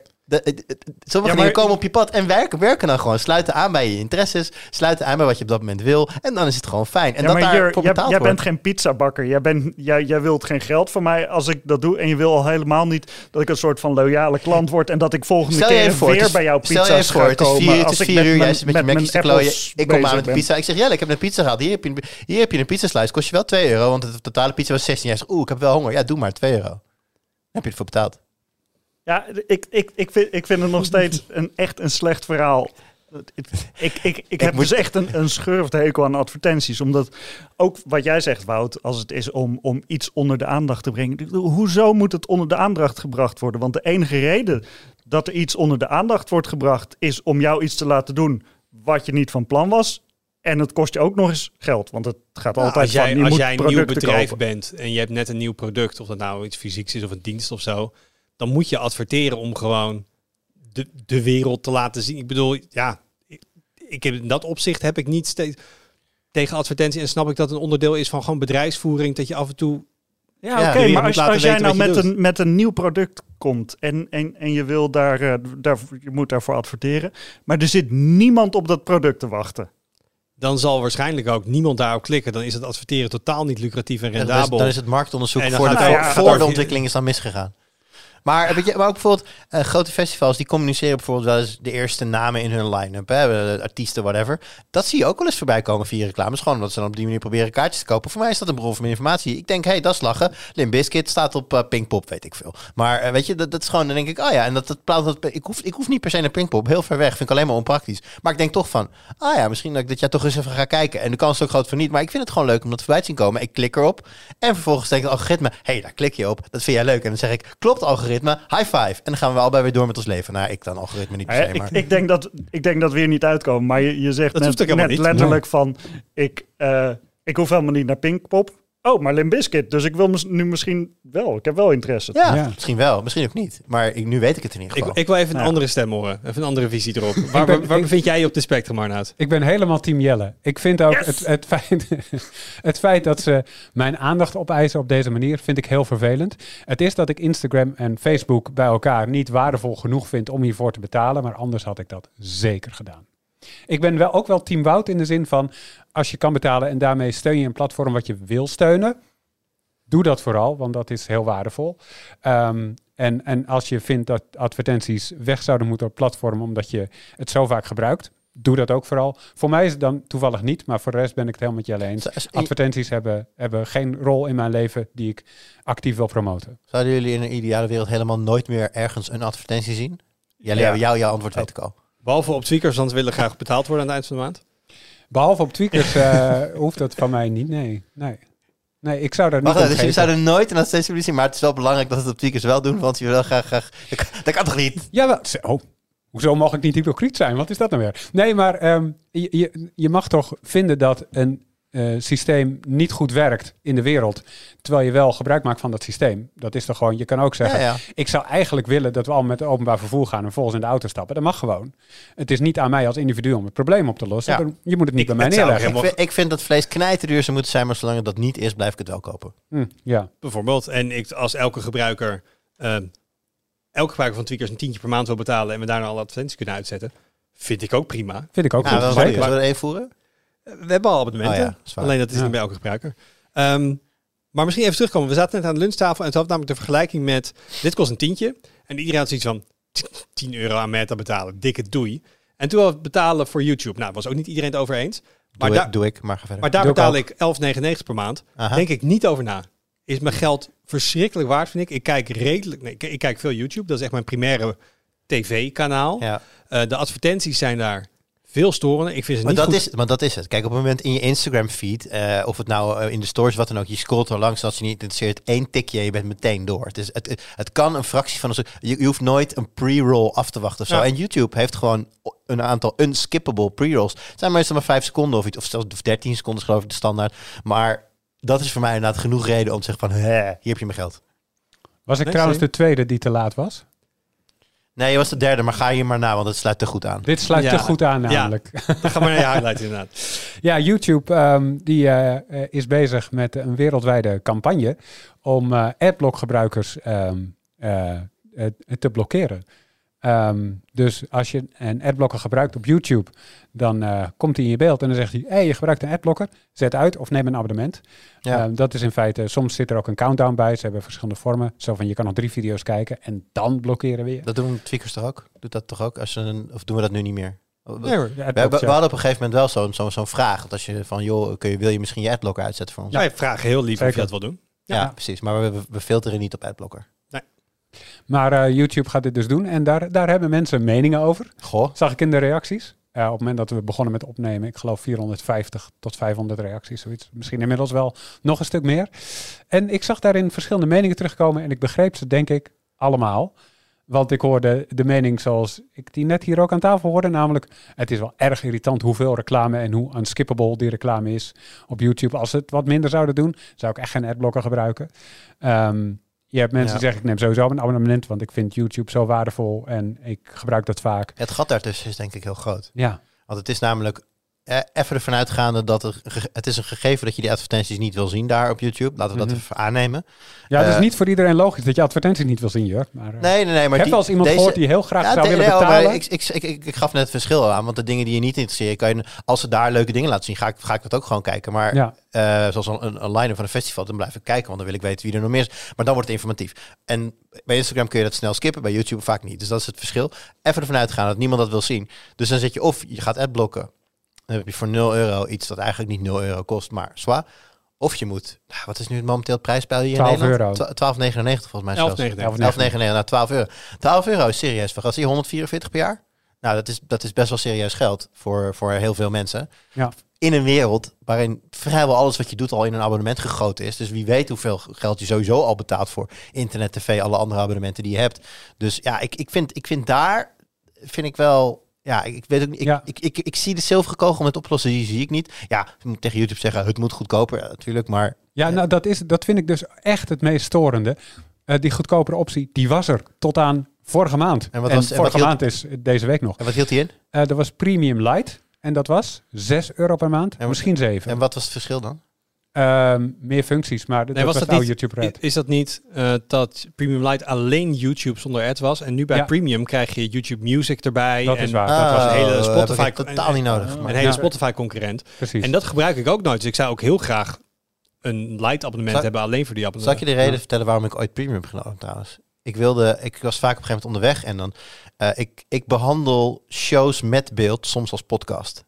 Hm. En dan zet ik het aan, doe ik, doe ik mijn beeld uit. En dat kan niet als je gratis YouTube Nee, gebruikt. klopt. En Ja. dat kan wel. Daarom heb ik ooit premium genomen. Maar ik dacht van, oh, ik wil dit blijven luisteren terwijl ik iets anders ga doen. Dus, maar dan moet ik het beeld aan. Heb ik ook een tijdje geprobeerd, gewoon met beeld aan in je zak. Maar dat is onpraktisch, want dan ga je dat ding be- bedienen en zo. Heb ik zelfs nog gekeken naar apps die, die zeg maar d- daarboven je hele scherm kunnen lokken, zodat je hem niet kan bedienen en dat soort dingen. Maar dat is allemaal onpraktisch natuurlijk. Dus dat heb ik toen ooit premium genomen. Gewoon van de feature beeld uit, maar geluid gaat door. Het klinkt heel fout, maar ik kijk, nee, ik luister veel YouTube in de auto. Bepaalde video's waar ik denk, hier vind ik het Ja. beeld niet heel interessant bij. Ja. Ehm, dan, eh, ik zat Dat laatst nog, eh, misschien kijk je wel, je Last Week Tonight met John Oliver? Mhm. Perfect voor in de auto. Dat beeld doet helemaal niet zoveel. Het gaat gewoon om zijn verhaal erbij en alles. beeld is over het algemeen vooral satirisch, extra lading. Ja, dus dat soort dingen doe ik vaak even op een autorit. En Ja. dat, dat zijn het een podcast kunnen zijn. En dat kan Ja. dus inderdaad. eh, Ja, nee, precies. Dat, maar, maar goed, die functie zat dan niet in Light. Eh, ja, misschien wel. Ik denk misschien wel. Het, het grootste Ja. deel is voor mij dat ze nu YouTube Music gebundeld hebben. En dat je dus een hele Spotify concurrent erbij krijgt. Of je Ja. dat nou wil of niet. Maar goed, terug naar, de, naar die discussie dan. Het, het gat is gewoon heel groot. Dus of je hebt inderdaad nul, of, je- of je kijkt advertenties of je doet die adblocker en dan is het 0 euro. Of je springt in één klap naar 12 euro per maand. Mhm. En daar zit niks tussen en dat is jammer. Ja. Hoe denk jij erover, Jelle? Ehm, ja, ik moet zeggen, ik, ik kijk gewoon niet zoveel YouTube. Ik vind 12 euro per maand vind ik echt exorbitant. Dat Ja, daar heb ik er niet voor over. Ehm, maar en als, als ik YouTube kijk, dan, ja, dan zit ik inderdaad naar eh één of twee irrelevante advertenties. Het is inderdaad altijd irrelevant op YouTube. En, en, Vo- maar- en, en dat voelt dus toch ook wel weer goed. Want dan word je niet zo goed getrackt, blijkbaar, door Ja. Google. Ja. Dus dan heb ik altijd weer zoiets van... Haha, ik vind dit stom en Oh, het heeft oh. geen toepassing. eh, scheermesjes voor vrouwenbenen. Nou, top. YouTube heeft geen idee eh, wie ik ben. Fijn. Ehm, maar ik vind 12 euro per maand wel heel veel geld. Ik, Ja, ik moet ik. zeggen dat ik... eh, ja, ik... ik ik, als, als ik dan YouTube kijk en ik kijk naar een eh, kanaal dat ik erg leuk vind, eh, Zoals bijvoorbeeld het Tweakers YouTube kanaal. Ben je al geabonneerd? Misschien moet je het even doen. Geef Ah, een hij heeft like. de helft van de vijf, de helft, van de video's heeft hij zelf gemaakt. Dus hoef je Ja. niet naar te kijken. Of zoals mijn eigen kanaal. Ehm, nee, maar ehm, ja, ik, vind- ik, ik vind het dan wel oké. want ik zie YouTube zie ik ook wel weer een beetje als televisie kijken. Als je televisie kijkt, dat doe ik dan weer nooit. Maar back in the days, vroeger als je televisie keek eh, naar een commerciële zender, dan was er ook veel reclame. En ik denk dan altijd zo van, ja, oké. Twee, twee van die pre-rolls waarvan je de helft dan kan skippen. Dat kost dan een minuut. En vroeger als je dan naar eh, televisie keek, dan zat je verplicht naar zes, zeven minuten reclame te kijken. Dus Ja. Maar als je het ziet als vervanger voor televisie, hè? 12, wat kostte vroeger een tv-abonnement? Meer dan 12 euro? Omgerekend? Ik denk het wel. Ja. Ja. Op YouTube is zo... Het gaat er dus om, staat er op YouTube wat je leuk vindt? Oh ik, ja, ja. ik vind die 12 euro absoluut gezien niet weinig geld. Maar wat, wat ik ervoor terugkrijg, ik vind het een prima deal. Ja, ja, ik kan de hele week door maar ik ken, ik urenlang zat YouTube mensen die het kijken. op die manier doen. Die vooral YouTube kijken en die ook zeggen van ja, er zijn nog steeds een aantal kanalen in Nederland die je gewoon gratis moet kunnen ontvangen. Dus daar, dat is dan de televisie. En dan heb je volgens mij, wat heb je dan? Nederland 1, 2, 3, dat Ja. zit? Of, nou ja, goed, ik weet niet wat er in dat, in dat standaard pakket zit, maar dat kun je vrij makkelijk gratis doen. En voor de rest gewoon alles online. Netflix, YouTube en niet verder niks betalen aan uh, lineaire Maar er staat zoveel slechte content op YouTube, maar ook Ja. zoveel goede content. Ik kan een werkweek ermee vullen met voor die 12 euro hele goede mooie producties Ja. kijken. Dus ik Ja. vind afhankelijk van hoeveel YouTube je kijkt, is 12 euro of compleet belachelijk of echt een no-brainer. Ik heb wel eens gezegd dat als je niet live sport kijkt, dat je in principe je televisieabonnement gewoon de deur uit kan doen. Omdat alle, alle content die je verder waardevol vindt, die kan je op internet gewoon vinden. eh, of, eh, via, via afzonderlijke abonnementen, de, nou, de Netflix van deze wereld. En dan heb je grotendeels alles wat je nodig hebt. En het journaal kan je gratis kijken. Dus voor de rest, Ja, wat hebben wij wel, zeg maar, ik heb dan een abonnement eh, op heel veel. Ehm, ik heb ook bijna alles. en, dan, en dan denk ik, oh, ik wil die en die film kijken. En dan staat die nergens. Dat is echt altijd Gebeurt dat zo. nog? Ja, dat gebeurt nog. En weet Ah. je wat ik dan wel eens doe? Je ge- gaat naar de videotheek. Digitaal. Uh-huh. Dus bijvoorbeeld binnen eh, Prime heb je dus de Ja, je hebt videotheek, ja. Maar je kan ook gewoon zeggen, voor 4,99 kun je nu deze film streamen. En denk Ja. ik, Ja. ja, dat mag ook prima wat kosten. Want vroeger ging ik ook iets huren voor zoveel Ik euro. ben, wel, ik ben wel heel benieuwd hoe lang Prime die, eh, die library in stand houdt. Ik heb bijvoorbeeld zijn één of twee films die ik ooit inderdaad via dit gewoon gekocht heb op die manier. En tot nu toe gaat het goed. Ik heb er eentje denk ik al een jaar of drie nu in mijn, in mijn account staan. Maar ja, ik ben heel benieuwd. Want de, heilige graal voor retentie is wat mij betreft bijvoorbeeld Steam in de gamewereld dan. Ik ben heel benieuwd hoe lang dit goed blijft Nee, gaan ik, in, ik, in, in, in, bijvoorbeeld Google, dit. wat vroeger Google Play Movies was, ik nu Google Movies, volgens mij had je bij sommige films dan de optie ze kopen en huren. Ja, En ik zou het nooit kopen, want ik kijk films zelden meer dan oh, één keer. voor mij echt van het prijsverschil af. Als het inderdaad vijf, als het 4 euro is voor huren en 20 euro voor kopen, dan huur ik hem. Als het 4 euro is voor huren en 8 euro voor kopen, dan koop ik hem. Ja. Ik ben wel eens met Jurriër. Ja. Het is gewoon, ik kijk puur naar het prijsverschil en er maak is ook geen berekening. Dat is gewoon puur gevoelskwestie. Je kijkt naar de twee bedragen en ik denk, nou, dit is dichtbij genoeg, ik ga hem kopen. Of ik denk, nou, dit is best wel een gat, ik ga hem huren. er zitten Maar hele even- grote teams op die je dus goed naar die prijsstelling kijken, Ja, denk ik, om ja. dit te doen. ja, het zijn waarschijnlijk Maar even een zijpaadje. Er zijn toch films die het gewoon waard zijn om meerdere keren te kijken. En dat weet je niet altijd van tevoren. Ja, oké, dat is wel, ja, nee, dat is waar. Dat is het inderdaad. Sterker nog, ik, ik zet soms ook wel eens gewoon bepaalde scènes van films eventjes aan. Om, dat en de, om, om dat 10 minuten te kijken en dan ga ik weer wat anders doen. Gewoon dat puur dat omdat kan ik... wel goed op YouTube omdat- trouwens. Ja, klopt. Er staan, er staan heel veel eh, Ja. films verhakseld op YouTube inderdaad. Ja, maar de, ik heb wel het idee dat een film online huren echt een soort ondergewaardeerd of in ieder geval mi- ik hoor daar weinig mensen over. Dat werkt echt heel prima. Je Ja. staat die app op, je zegt ik wil gewoon 5 euro betalen, ik kan nu de film kijken. Het is precies de ervaring. Maar het niche daaraan is dat je dan, zeg maar, de use case is, je wil specifiek die ene film zien. Ik denk Ja. dat er best wel veel mensen zijn die denken van, kom, we gaan film kijken, zullen we die kijken? En dan ga je zoeken, en, oh, die is er niet te kijken. Oh, dan doen we een andere. Ik denk dat dat veel vaker voorkomt. Dit is meer voor films die dan net uit de bios zijn, dan eerst in zo'n Ja. huurlaag komen en dan. eh, ehm, maar even iets anders, Jerboe. ik ben nog niet aan de beurt. Ja, Jammer. dit is echt best wel jammer. Je had hem ook gewoon over Ja, kunnen pakken. ja, ja, boe. Nee, ik vind het prima hoor, maar dan moet jij er nog even wachten. Nee, ik, eh, ik zei het al, ehm, even, even ik, ik zei het al, ik deed het al. Ik liet je een klein beetje schrik van tevoren en dat vond niemand leuk, toch? Nee. Ik Nee. vond het echt heel leuk. Oh, ja, ben je een raar persoon. Ja, maar jij, jij weet ook al een beetje waar ik heen wil. Ja, ik, ben, ik ben bezig momenteel met, eh, met Alan Wake. Alan Wake eh 2 eh, be- beheerst momenteel mijn leven. En ik vind er echt helemaal niks aan. En dat is niet omdat het een slechte game is, want dat verre van. Het is een hele goede horror game, eh, voor zover ik daar een ontwikkelde smaak in heb. Maar ik vind het een potje verschrikkelijk om gewoon de hele tijd met adrenaline op die bank te zitten. Wetende dat er op elk moment een jumpscare of iets... En dat is, ook- dat is ook het ding. Het is niet dat de jumpscare eng is. Het is spelen in de wetenschap dat op elk moment er in beeldvullend en met een geluid vergelijkbaar met wat ik aan het begin van deze show maakte, dat dat ineens voor je kan staan. Het is gewoon, het hangt een hele sinistere sfeer. En dat is goed. Dat is precies wat een horror game moet doen. Maar ah, ik, ik, ik kan me gewoon niet voorstellen. Ik, en ik weet wel dat ze er zijn. Er zijn heel veel mensen die dit leuk vinden. Maar ik kan me zo niet voorstellen dat je dit leuk vindt. Maar dat heb ik ook met horrorfilms. Je Ja, weet eens, van, oké, er komt een schrikmoment, er komt een schrikmoment, er komt een schrik. Ah, en ik ben toch geschrokken. Ja, ja. ja. Ja. en het, het is helemaal Ik, niet dat ik zie Jelle lachen. Vind jij dit wel leuk? Nee, nee, nee. Ik, ik heb er ook een hekel aan. Dus Ik- ik, en, en ik, ik snap inderdaad wat, wat jullie allebei zeggen van... Je weet van, je gaat schrikken en, en, en dan schrik je en dan is het zo van... Ah, kut. Ja, het, het, het, is, het is gewoon, ja, dan, dan loop je en dan ineens weer achter en dan draait op, staat er ineens een schaduw en dan, dan, dan flitst het beeld, is de schaduw weer weg, weet je wel. En het is gewoon, Hè, waarom? Als, als je zegt horror in games, ik moet meteen aan de headcrabs in Half-Life 1 denken. Dus die, die, Die dan, facehuggers. Ja. Ja, die Ja. dan overal vandaan springen en inderdaad eh Ja. Je. Ja, maar dat is nog anders. Ik, vond- ik vond van de klikkers in, in The Last of Us 1 of 2 ook trouwens, maar vooral in 1 vond ik de klikkers echt heel eng. Ook, om, ook omdat je weet dat je er niet super goed tegen bewapend bent. Dus je moet ze eigenlijk een beetje om, om, om- proberen te omzeilen. Dat is ook spannend, maar dat is anders dan dat er op el- omdat de, eh, eh, ja, ik wil niet te veel over het verhaal weggeven, maar dit kan letterlijk op elk moment in de game kan een, de- een bepaald deel van de wereld kan ineens eventjes zo poep. Weet je wat leuk is? Ik heb eh, eh, op de Pixel Watch heb je nu een feature dat hij zeg maar stress detecteert en dan vraagt: "Hey, ben je gestrest?" Ik ben benieuwd als jij die game speelt, hoeveel notificaties jij per uur Binnen, ding binnen twee uur staat de dokter voor de deur, denk ik. Ja. Nee, En- het is, kijk, ik, ik val niet van de bank van schrik. Dat is wel grappig. Cheert, een redacteur van de Power Limited, die heeft ooit een livestream gedaan.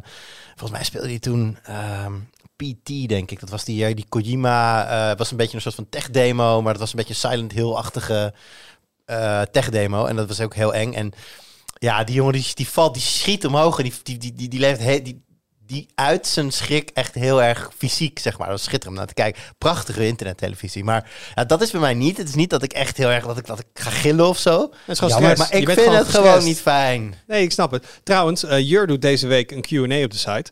En ik heb heel veel mensen horen zien vragen eh, in die post van... Leuk gamen voor je werk. Zijn er ook wel eens games die je niet leuk vindt om te moeten Ik, spelen? ik las het al. Ik las het al gisteren. Ik zat er gisteravond dat toen, die- dat toen het ding online ging. Ik zat even te kijken of wat voor vragen er binnenkwamen. Toen zag ik het. Toen wilde ik hem eigenlijk al meteen zeggen. Nou, ik, want ik zat op dat moment zat ik Alan Wake spelen. Ik dacht van, nou, ik zou ja. De reden dat ik nu deze vraag aan het beantwoorden ben, is dat ik het spel op pauze heb gezet, omdat ik geen zin heb om het momenteel door te spelen. Ja, nee, dat en het is, weet je, met Resident Evil heb ik hetzelfde. En Resident Evil ook. Het zit gewoon super goed in elkaar. Die, hoe die werelden zijn opgebouwd. Heel vet. Maar echt, mij maak je er zo niet blij mee. Maar goed, maar dit is voor jou. Maar het feit dat eh, games je dit soort dingen laten voelen, dat, dat is toch fantastisch. Ik bedoel, daar gaat gamen toch om. Het feit dat je in ehm, een potje FC24 op, in de laatste minuut verliest en dan die frustratie voelt. Of je lost in Zelda een of andere eh, moeilijke puzzel op en dan heb je die euforie. En hier zo draait het dan Ja. om, om de jumpscares. Nou, dat niet, is dat toch... draait niet per se om de jump. Oké, maar algemene spanning. gevoel van spanning. Ja. precies, het, het is onderdeel ervan. Nee, daarom Dat zeg ik. Daarom zeg ik, weet je, het, het- ik- mij doe je er geen lol mee. Maar wat ik ook aan het begin al zei, het is, het is zeker geen slechte game. Het doet, het doet exact wat het moet doen. Maar het Ja. laat ook zien dat, dat games gewoon als kunstvorm... Want ik bedoel, Ja. films kunnen dit ook met je doen. En dan heb je Ja. hele Boeken. acteurs die dat doen en boeken ook. En zo. Maar Ja. als kunstvorm maakt het wel emotie bij de mens los. Alleen Ja. een emotie waar je niet echt op zit te wachten, uur achter elkaar. Maar ja, dat zou kunnen. dan moet je Nee, met nee, even tanden op elkaar doorbijten. heel, eh, het is, het is op dit moment, zo, dit soort moment is het zwaar werk. Ja. Hm. Oh. Zo'n medelijden met je. Jelle, wat is jouw highlight? Ja, ik heb een nieuwe, ik heb een nieuwe game PC gekocht. Leuk. Vind je hem wel een leuke game ervoor? Ja, Alan Wake 2. Ehm, ja ik, ik, had een, eh, ik had een game laptop met een RTX 3070 erin. En, en, eh, maar dat was een... eh, Dat is voor een laptop is dat best serieus, toch? Nou, Ja, nou, let's not get into it. Maar een RTX 3070 desktop en RTX 3070 laptop zijn twee heel verschillende Oh ja, dingen. oké. ja, Ehm, fair enough. maar anyways, ehm, ik, had, ik had die laptop en er zat dus wel een goede videokaart in. En toen dacht ik van, ja, het is gewoon een groot lomp ding. En dat is helemaal niet handig. Weet je wat, ik verkoop hem. Ehm, dus verkocht. Via Tweakers Vraag en Aanbod. En via Tweakers Vraag en Aanbod heb ik een eh, ROG Ally gekocht. Dus het is zo'n zo'n handheld. Ah, zo'n Steam Deck on Oh. steroids. Ja, Ja. een Steam Deck met Windows. Windows, want eh, ja, eh, compatibility met meer games. Mhm. En, ehm, en ik had ook zoiets van, dus onpopulaire mening, graphics boeien me niet zoveel. Als ik een game speel, dan gaat het me gewoon om, om, om de gameplay. Als een game goed in elkaar zit, dan maakt Ja. het me niet uit hoe, hoe, hoe mooi of lelijk het eruit ziet als het maar lekker speelt. En ehm, dus ik had mijn ROG Ally, Ro- Ro- ROG? ROG? rog. Gewoon een rog. Zeker. ROG. Roggeli. Uit de oceaan gevist. Eh, dus ik zat, eh, ik, ik, ik had die ROG en ik zat erop te spelen. En ehm, toen heb ik op een gegeven moment de video van, eh, eh, hoe heet die race game? Eh, Forza. Ja. Forza Motorsport heb ik gemaakt. Dus ik heb Forza gespeeld op dat ding. Nou, het draaide voor geen meter. Maar ja, Mhm. de graphics boeiden me toch niet. En, eh, en daarna heb ik er gewoon helemaal niks meer mee gedaan. Dus ehm, Was dit een soort impulsaankoop? Heb je toch een advertentie hiervoor gezien en kwam je er later achter dat je toch niet nodig had? Heb je er een video over gemaakt? En kwam je er toen achter van, hé, dit wil ik ook over. Oh, dat is wel interessant. Hier, hier- als, want als ik het. ehm, nou, als ik het bandje dus even terugspoel. Je hebt hem toch zelf al in de previewfase al uitgeprobeerd ergens een Nee, keer? ik heb hem niet Oh, uitgeprobeerd. nee, maar wat ik wel heb uitgeprobeerd is de Legion Go. Op een gegeven moment Oh ja. was Oh, er tijdens, was de, tijdens de IFA kondigde Lenovo de Legion Go aan. Toen dacht ik, oh, dat is wel grappig. Leuk concept. Maar Ja. Legion Go die is eh, pas sinds vandaag uit. Kost meer dan een tweedehands ROG Ally. Mhm. Ik, ik denk dat toen het zaadje geplant is. Dus dit is een soort van... ehm, ja, dat is ook een soort van reclame waar ik Ja, je bent, voor Ja. mij ben je keihard gemanipuleerd hier, Jelle. Ja. Ook Maar- jij bent daar gewoon Door mijn werk. voor. Maar hoe, Ja. Ik zou gevarengeld moeten krijgen hiervoor. Ho, ho, ik eerst. Met Wake. Weer zo'n medelijden met je. Maar als je nu het bandje vooruitspoelt in plaats van terugspoelt, denk je dan dat die stof gaat lopen happen in de kast? Of denk je wel van, nou, hier, eh, hier zit wel wat in? nou, ik weet het niet. Ik weet, ik weet het echt niet. Want Ik weet het wel. ehm, het, voorlopig is Jelle hij dus nog even achterkomen. stof aan het happen. En ehm, op een gegeven moment bedacht ik me van... hé, hey, maar ik heb ook nog een Playstation staan met eh The Last of Us 2. Wat Dat ik, is leuk. Wat ik nooit heb uitgespeeld. En dat is veel leuker. Nee, maar Dus ik, ik, ben nu helemaal weer verloren in The Last of Us 2. Ik weet het, daar ben ik ook lekker laat mee. Ja, Wat Wel een leuk. fantastische game is dat. Oké, ik weet wat er met Aha. Jelle aan de hand is. Ik weet dit namelijk, want ik heb dit ook. ik heb dit ook. Wat, nee, wat het is? Jelle is minder gamer dan dat hij wil dat hij eigenlijk is. Want is ik, dat het? ik denk ook vaak van, ik moet meer games spelen dan dit. En dan ga ik inderdaad mijn PC upgraden. Dan ga ik die game kopen. Dan zie ik mezelf helemaal doen. En als het puntje dan bepaald komt, ga ik andere dingen doen. Want blijkbaar geef ik toch niet genoeg om gaming, om dan op dat moment daar mijn tijd aan te besteden. Dus het laatste ook, ik had anderhalf jaar geleden een keer in de aanbieding Cyberpunk gekocht. En ik, ik wacht gewoon een tijd tot alle patches uit zijn. Dus ik twee weken geleden die game installeren, helemaal gepatcht. Nou, die nieuwe Nvidia drivers, ik ga Cyberpunk spelen. Ik heb een uur gespeeld, ben wat anders gaan doen. Want ik ben, ik ben denk ik gewoon geen...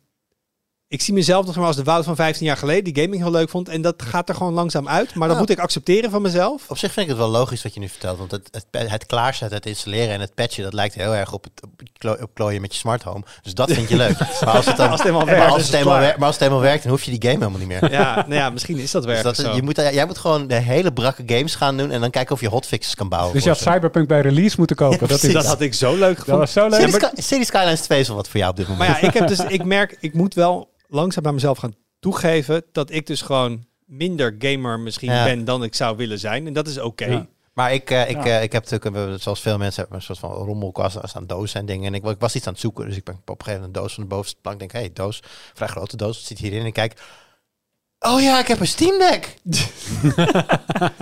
en dat was, dat was letterlijk zo, als in de, gewoon de, de, de, de, de doos waarin de doos nog zat, zeg maar.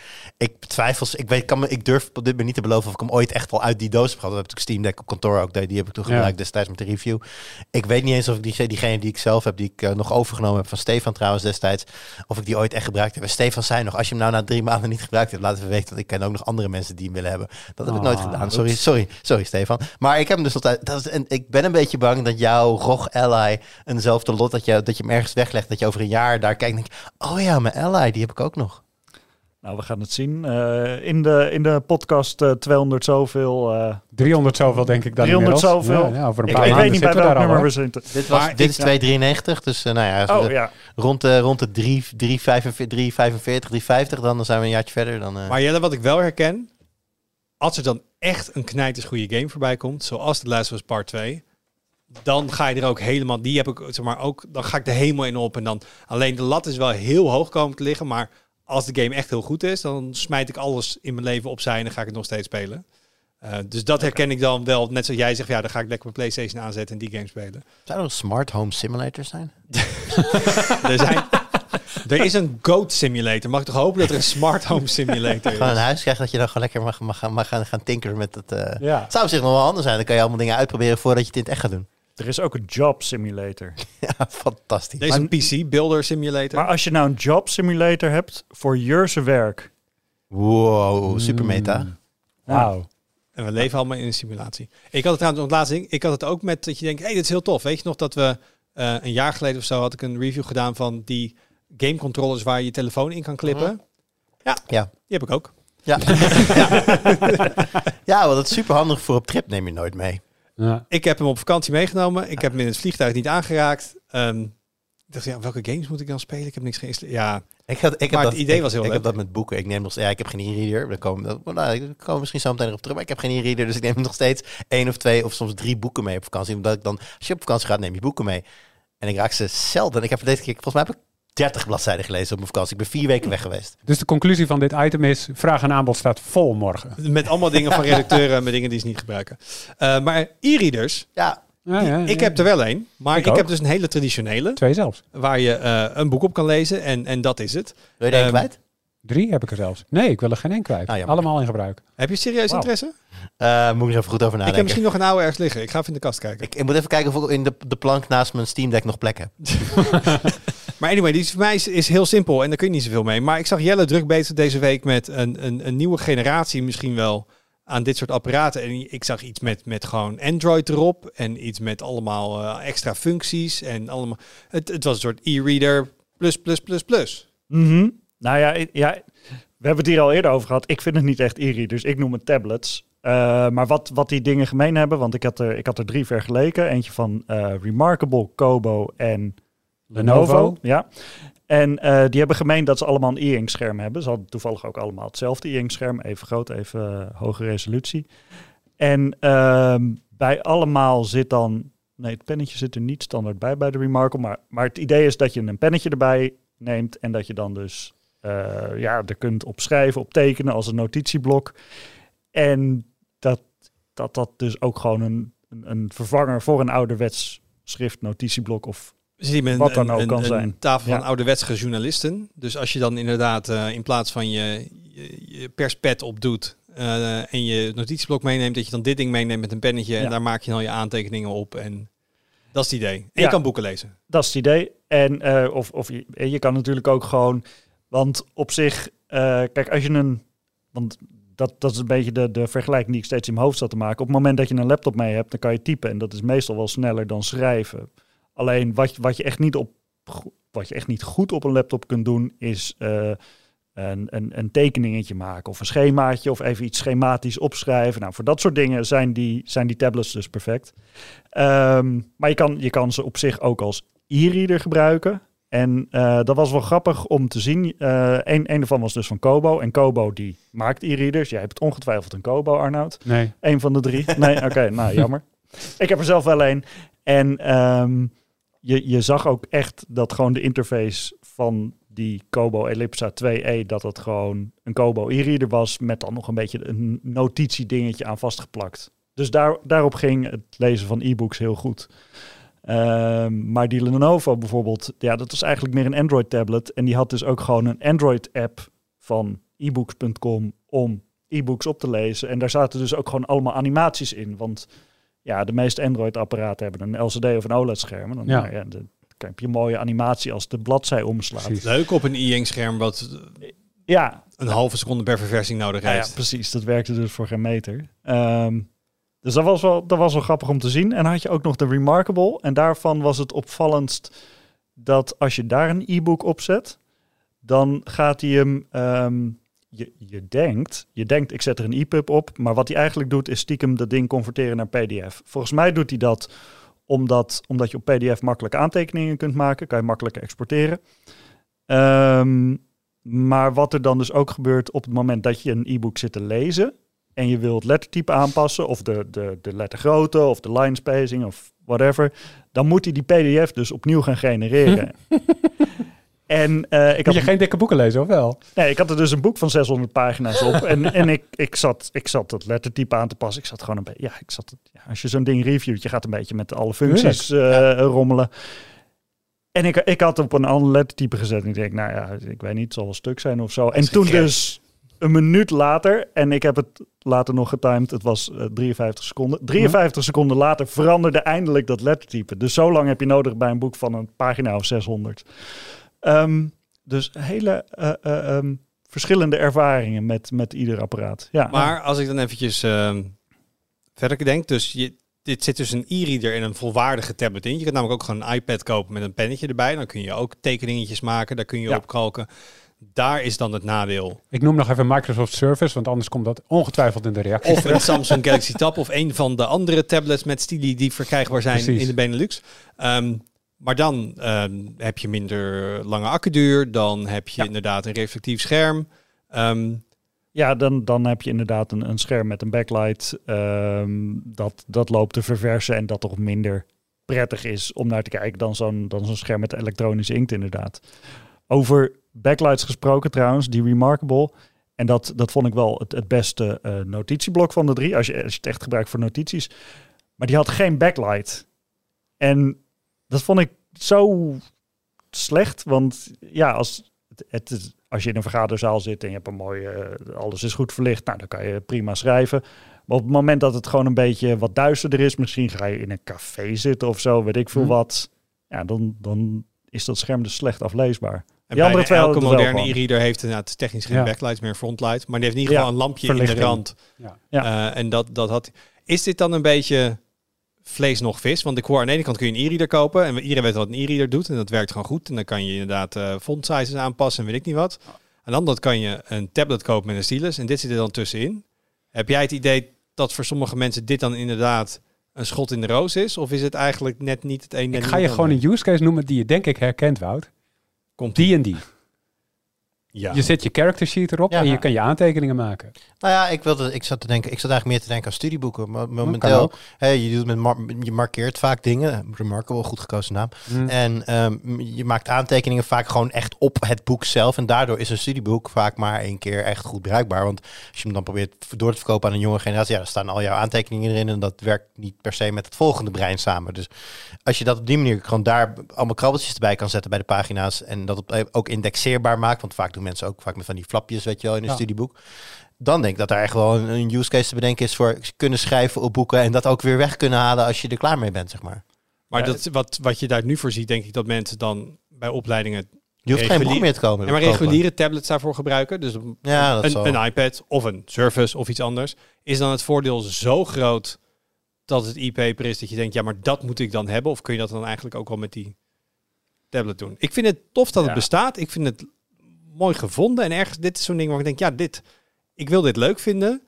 Maar als we dan even iets langer gaan nadenken over of dit nou echt in de praktijk Ja, je, je iets vraagt, is. had, dit, had dit een eigen machine nodig? Dat is een beetje deze features. Maar ik, ik, heb, ik heb ook wel een beetje dat gevoel van jou van ik wil dit leuk vinden. Ik, ik, eh, want ik, ik heb er dus een tijdje mee gewerkt met alle drie die dingen. En ik had echt het gevoel van ja, zo'n eh, die Remarkable, die had dan ook de, de tofste software. Die was heel simpel.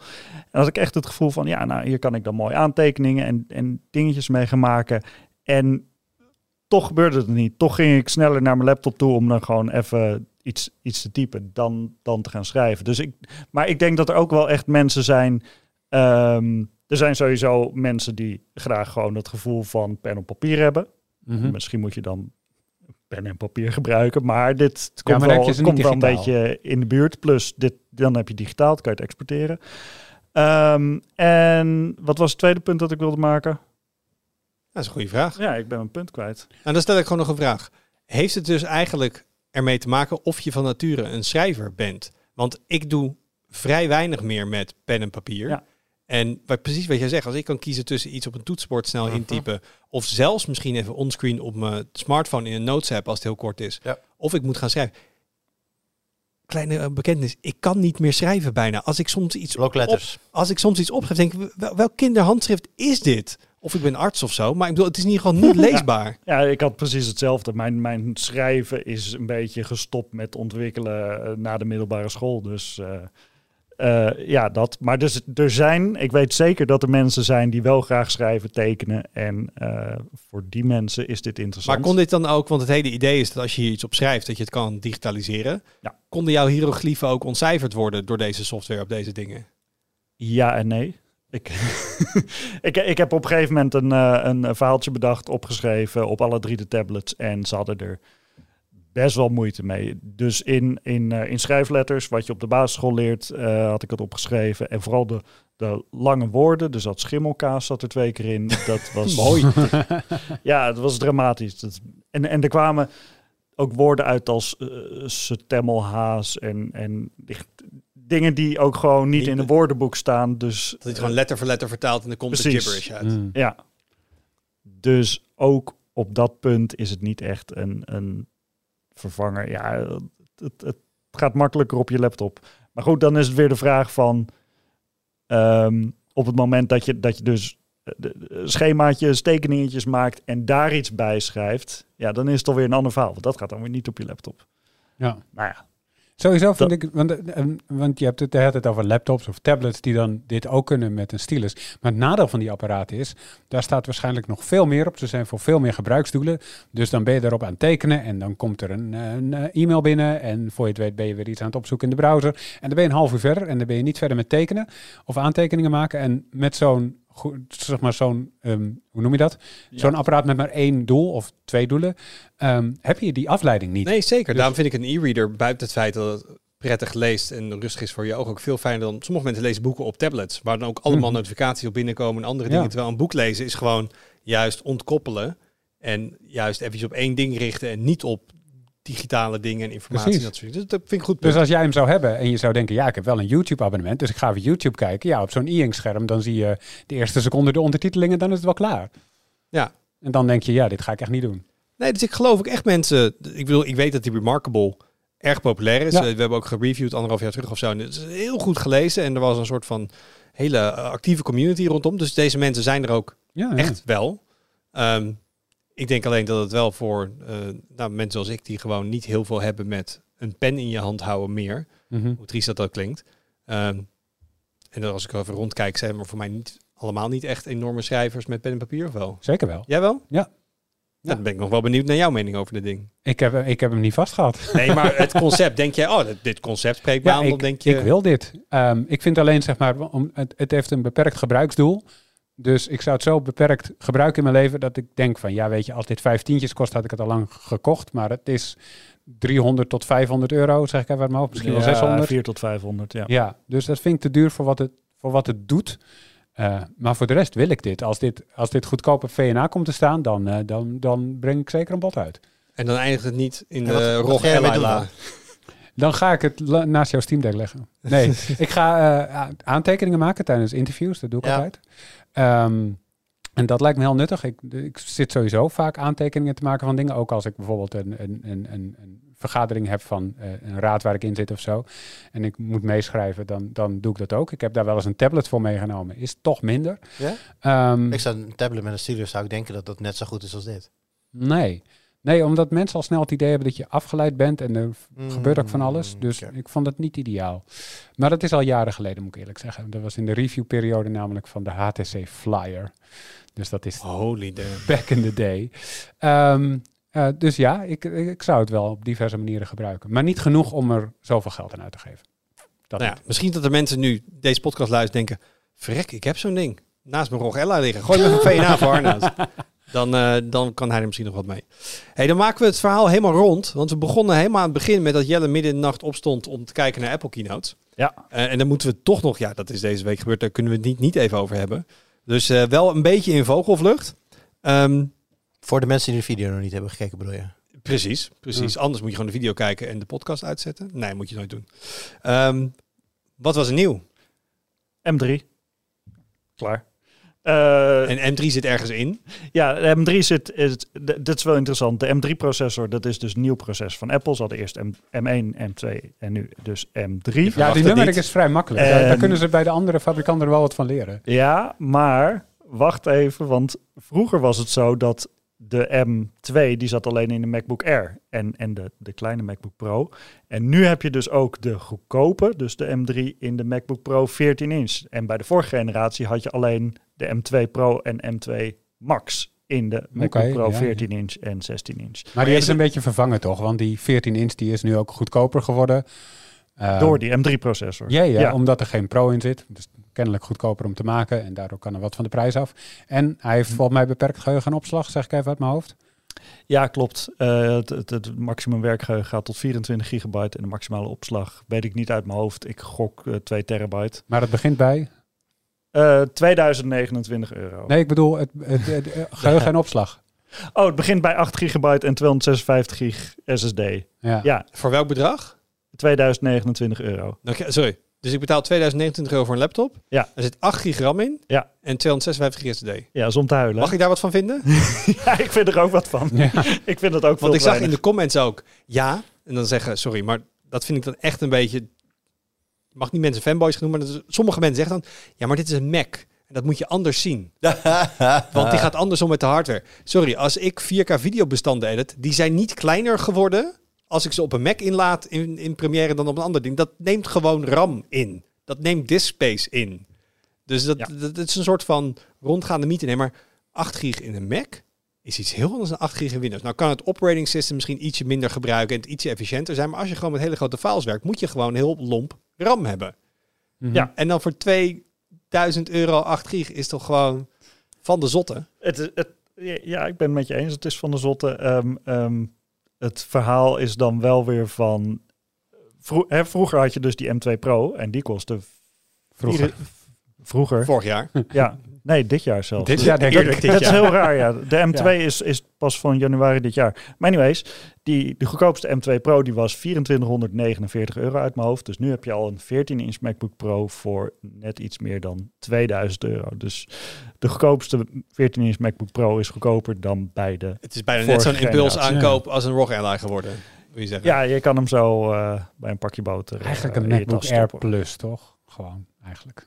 Nou, een beetje wel inderdaad. Wel een Want- MacBook want- Air, maar dan met meer poorten. Nou, dat doe je dat. Ja, met meer poorten. Er zit een heel tof scherm op. Dat, Ja. dat eh, eh, mini-LED-scherm dat erop zit, dat is hetzelfde gebleven. Hij heeft, iets, hij heeft nu een 600 candela helderheid eh, in SDR, maar voor de rest is het hetzelfde scherm. Maar het is een tof scherm met, eh, met veel dimmingzones.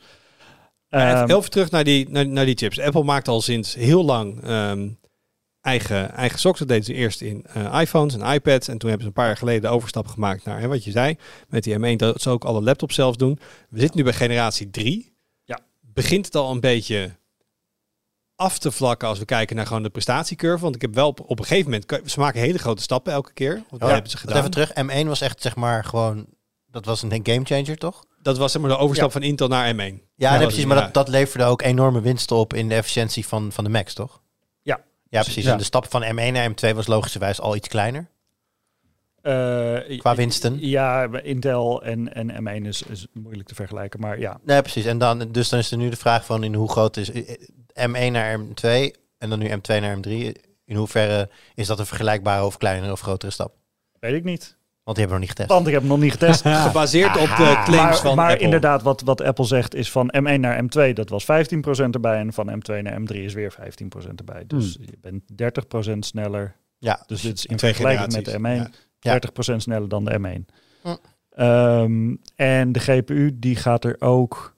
Ja, dat, is- dat is een heel raar verhaal hoe ze dat dan weer berekenen. Die zou, de, de GPU zou 2,5 keer zo snel zijn, maar daarbij vergelijken ze de M3-familie met de M1-familie. En Ja. de M1-familie die had maximaal 32 ehm, cores en de M3-familie zit al op 40 cores. Dus het is Scheef. ja, de- Ja. per core zijn ze sneller geworden, maar er zijn ook meer cores bijgekomen. Dus logisch dat het sneller is. Dus eh, het, het, het zijn natuurlijk ook wel weer eh, van, die, van, van die Apple-statistiekjes uit zo'n presentatie. Die, ja, daar komen dan wat mooie cijfers uit en wat eh, grafiekjes zonder assen. En dan, ja. Wat, ja, wat mij opviel daarin, en jij zegt het ook als we vergeleken met M1, vind ik Ja. niet sterk. Ja, bij de iMac was het logisch, want die draaide nog op een M1, die hebben ze geüpgrade, die heeft nu M3. Daar kun je dat doen. Maar bij die MacBook Pro's vergelijken met de M1 is gewoon, vind ik een zwaktebod. Ja, Als ik in, ook. ja, is wel iets wat je heel vaak ziet hoor. Ik, ik- twee generaties terug vergelijken. Ja, Dat ik- Sony zegt, die PlayStation 5 is zoveel sneller dan de PlayStation 3. dat wil je echt niet geloven. Nvidia gaat toch ook Nee. niet met de 40-serie vergelijken met de 20-serie? Ja, dat is dus precies wat ze doen. Ja, maar, en, maar ook met de 30-serie. Dan zetten ze de 20 er ook ja, bij. dat, dat nou doen ze ja, ook. als je, als je bij zo'n presentatie van Nvidia zit, dan, dan, dan is het heel vaak dat ze het met twee generaties terug vergelijken. AMD doet het ook, want dan zeggen ze van... Ja, als je nu nog op een, eh, even kijken hoor, we, met een RX 5700 videokaart zit, dan is dit het moment om te upgraden Ja, ze naar, doen het naar de 7000 Nou, serie. Ik moet wel zeggen, als jij dus... Welke kant is groter? Dat je van M1 naar M3 Ja, gaat oké, of die M2 zin- naar M3? Dus het is wel relevant voor mensen met een M1 om te weten hoe groot het prestatieverschil Ja, is. oké. Want dat zien we ook al vaak bij ons Sure. in de reviews. Als Ja, wij ik het, dingen ik ben doen. het wel eens Ja, met... voor consumenten klopt het, maar het is inderdaad niet sterk om niet je, je laatste er niet ook naast te zetten. Ja, die staat er wel naast. Alleen dan zie je zeg maar zo eh, drie eh, balkjes onder elkaar. En dan denk ik, dat deden ze volgens mij bij de M2 niet. Daar was het gewoon alleen M1 en M2. En dan niet nog de Intel erbij. Ja, maar als er een M-1 was geweest, dan hadden ze het daar wel mee M0. vergeleken hoor. ja. Ehm, Maar ik zie het ook het, wel... is, het is wel weer- het is, ja, het is gewoon echt marketing. Ja. Tuurlijk. Tuurlijk Maar is het ik, marketing. er zit dus een deel echt wel... Ja, het is marketing. Maar als wij eh, reviews doen van nieuwe videokaarten... zie je ook wel eens in de reacties van... hey, ik heb een drie jaar oude kaart. Dit zegt mij nog niks over Ja. Wat voor mij de upgrade zou zijn, omdat we nooit zo ver teruggaan. Dus ik denk wel, mensen die upgraden niet dit soort dure dingen niet elk jaar. Dus Zeker. het komt Apple ook goed uit omdat de balkjes langer zijn. ja. Maar ik kan me voorstellen vanuit een consument die wil weten hoe groot gaat de upgrade zijn, dat het ook echt wel. Maar dan moet je Ja. inderdaad gewoon alles tonen. Ja, Ja. eens. Ja, nou, en dat doen we in de review. Lees hem op tweakers.net. Dat- is ook al de sneak peek. Dus ik zit nog even te kijken of we nog iets over die dingen verder moeten weten. Eh, prijzen. Dus hij is omlaag voor de instapper. Ja, Bij de die dus een langzamere processor heeft gekregen. Maar over de hele linie, want we zien met alle techproducten de laatste jaar, het is altijd een beetje gokken, gaan ze iets doen met hoe staat de dollar, inflatie. De ene keer zijn europrijzen heel veel hoger, de andere keer zijn ze ongeveer gelijk. Ja, want Eh, iPhones bijvoorbeeld zijn omlaag gegaan. Dus Apple heeft het idee dat dat eh, een ding is. Ehm, maar is dat, is, dat, zeg maar is dat bij de MacBooks ook gebeurd? Als, een, als het dezelfde dollarprijs is, is de europrijs dan iets lager? Of maakt het eigenlijk geen donder uit? Ik ben er nu live voor je aan het factchecken, maar volgens mij niet. Want de goedkoopste M2 Pro die was 24,49 en volgens mij is dat nog steeds hetzelfde gebleven. Ja, inderdaad. Dus, Dus- daar is niet iets afgegaan. Nee, Toch en, jammer. En sterker nog, volgens mij is de iMac, want de iMac die is dus ook nieuw. Die, Ja. eh, die is van M1 naar M3 gegaan. Volgens mij is die duurder geworden. Hmm. Dus, ja, maar dat is ja. 2,5 jaar geleden. Dus dat was wel een andere dollarkoers toen. Vraagteken. Beetje inflatie Welkom bij deze financiële podcast. Ja, Afgelopen precies. 2,5 jaar. Ja, volgens mij is de dollar eerst omhoog gegaan en, en, en ondertussen weer omlaag. Ja, dat dacht ik ook. Ja. Dus Waar, en waar zit de R nu? Ik, ben ik wil heel nog even weten, wat is de goedkoopste instaplaptop als je nu bij Mac, eh, bij een Apple wil? eh, de MacBook Air, daar heb je dus volgens mij nog de M1-versie van nog altijd. Ja, en mij ook, en ja. die is eh 1000, rond de 1000, iets meer dan 1000 euro. Oké, dus je kan nog zonder een tweede hypotheek te nemen instappen in het Apple laptop ecosysteem. Ja, en dan heb je dus 8 gig eh, werkgeheugen en 256 gig opslag. Net als dat ding van twee keer zo duur. Ja, Ja, dus ja, iedereen een M1, RM1 kopen. Oh, ik zie dat die... Oh, die is ondertussen 1218 euro. Oké. Nou, anyways. kan je toch kost- meer dan acht jaar Instagram eh, reclamevrij van, eh, van, van nemen? Bijvoorbeeld, inderdaad. Nou, in ieder geval, mensen, ehm eh, gaat dat zien en gaat dat lezen. Jelle is daar nu heel druk mee bezig. Ehm, verder, want we gaan gewoon alvast vooruitkijken. Zeker. Eh Arnoud, jij bent een co-productie met Friso aan doen. Ja, de OnePlus Open. De eerste vouwbare smartphone van OnePlus. Een paar weken terug uitgekomen. En ehm, ja, Friso doet... Friso de- noemde hem laatst al in de podcast, inderdaad. Precies, toen, eh, de, de, de, de tekstreview, ik doe de videoreview. Ehm ja, een, een ontzettend goede smartphone, maar OnePlus heeft iets te veel beloofd en kan dat niet helemaal waarmaken. Dus maar ze zeggen altijd never settle. Dit is settle? eh they did not settle, eh, behalve dan dat het een hartstikke duur ding is. Je betaalt er veel meer voor nu dan voor een Galaxy Fold bijvoorbeeld. En dat is best wel raar, want OnePlus, ja, dat is nog altijd, zeg maar, wordt neergezet als een soort van prijsvechter. Ja, En dat is niet meer wat het is. check. Ik zit even kijken, hebben we verder nog de, de smartphone Best Buy Guide. Eh, ik weet, collega eh Chef, die vorige week in de podcast zat, die is nog beter met de Sennheiser Conversation Clear Plus. Want we zijn nog de roundabout aan het aanvullen met nog wat dingen die er nog verder bij kunnen. En ook Ja. inderdaad, mensen die luisteren, ook de boze komen eraan. Ja. Eh, dat gaan we zeker doen. Ehm Jur, als zijn hart het houdt, eh, is ergens volgende week klaar met Ellen Wake, denk ik. Ja, die gaat denk ik, eh, zoals het er nu voor uitziet, gaat die tegelijk online met de volgende podcast. Dus die, Dus misschien kijken we want iets dat- ver ja, en er komt ook nog een schietspel aan, eh, wat vrij groot is. En als die eerder binnenkomt, dan heb je kans dat Alan Wake even op pauze gaat. En dat, Ja, eh, dan roept die- de plicht. Helemaal niet roept, erg. oh, zoveel zin in. Dan roept, eh, dan, roept de plicht inderdaad. Ik, zag, ik, kreeg mooi. ik kreeg een nieuwe Nvidia driver kreeg ik, binnen voor dat schietspel. Ja. Oh, game ready. Je bent helemaal klaar Gaat voor. natuurlijk over Call of Duty Modern Warfare 3, dit, jongens.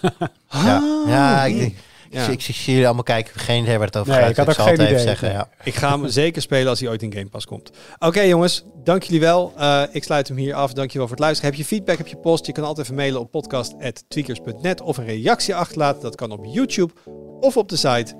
Tot volgende week. Doei!